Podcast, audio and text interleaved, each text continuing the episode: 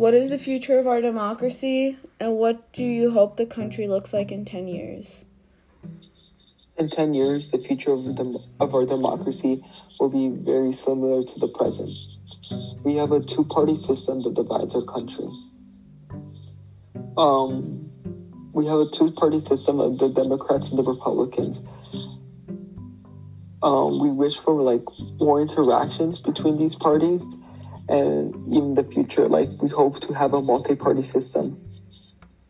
Yeah and i think we can like achieve a multi-party system. Like currently we have like um the democrats there's more moderate democrats and there's more progressive democrats and there's like a huge divide in them and i think that could lead to a potential um splitting of the party to where we could maybe in the future see a multi-party system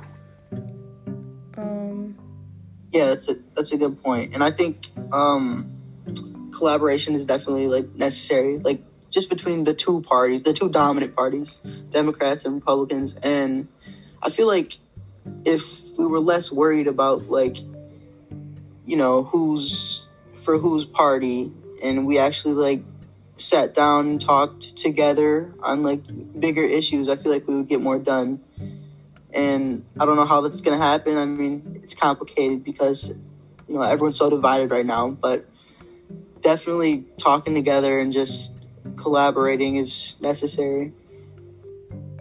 Yeah, I agree, especially for us as a country to like progress and hopefully get better.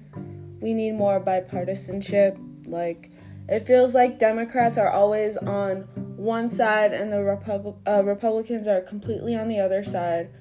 So um, I think bipartisanship will definitely help us progress. Another thing that can help us progress is, um, as a system, is having like more progressive candidates that have like more progressive ideals. Yeah, I agree. Like, um, a lot of um, like a lot of progressive policies would definitely help America, like socialized healthcare and like working on our um, energy usage, like using renewable energy and stuff like that, like most first world countries do. Um, did you guys have anything else to add?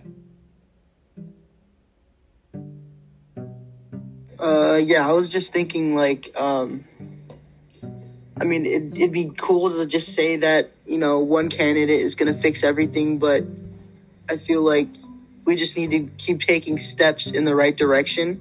It's not going to be instantaneous. We just got to keep, you know, moving forward and not worrying so much about like two party system, just like worrying about what's uh, to the benefit of you know the general public. So yeah. Yep, I agree.